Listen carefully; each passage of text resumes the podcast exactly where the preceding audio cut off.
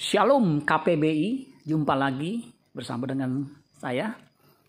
Kita akan merenungkan firman Tuhan dengan judul telah dan akan diselamatkan. 2 Korintus 1 ayat 10. Dari kematian yang begitu ngeri, ia telah dan akan menyelamatkan kami. Kepadanya kami menaruh pengharapan kami bahwa ia akan menyelamatkan kami lagi. Kematian Kristus di kayu salib yang begitu mengerikan mempunyai tiga dimensi waktu keselamatan. Dengan kematiannya, kita yang percaya kepadanya telah diselamatkan dari kematian kekal. Dan ia akan menyelamatkan umatnya dan mengaruniakan mahkota kehidupan bagi mereka yang setia sampai mati. Wahyu 2 ayat 10 sampai 11, pasal 3 ayat 5 dan 2 di antara dimensi waktu telah dan akan ada dimensi waktu sedang.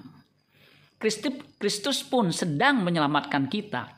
Ia sedang mempersiapkan kita menjadi mempelainya agar kedapatan kudus dan tak bercacat celah. Efesus 1 ayat 4, 2 Petrus 3 ayat 14. Sebagai respons atas apa yang telah dikerjakannya di Kalvari, kita harus mengerjakan keselamatan kita dengan takut dan gentar.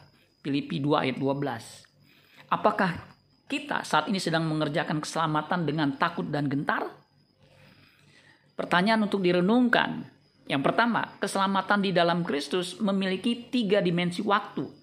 Sebutkan tiga dimensi keselamatan itu. Dua, apa yang Kristus lakukan untuk menyelamatkan umatnya?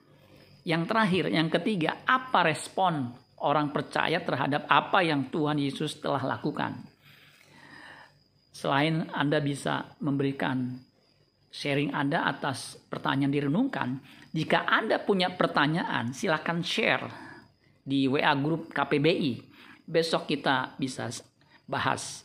Mari kita terus belajar kebenaran firman Tuhan. Tuhan Yesus memberkati. Sola Gracia.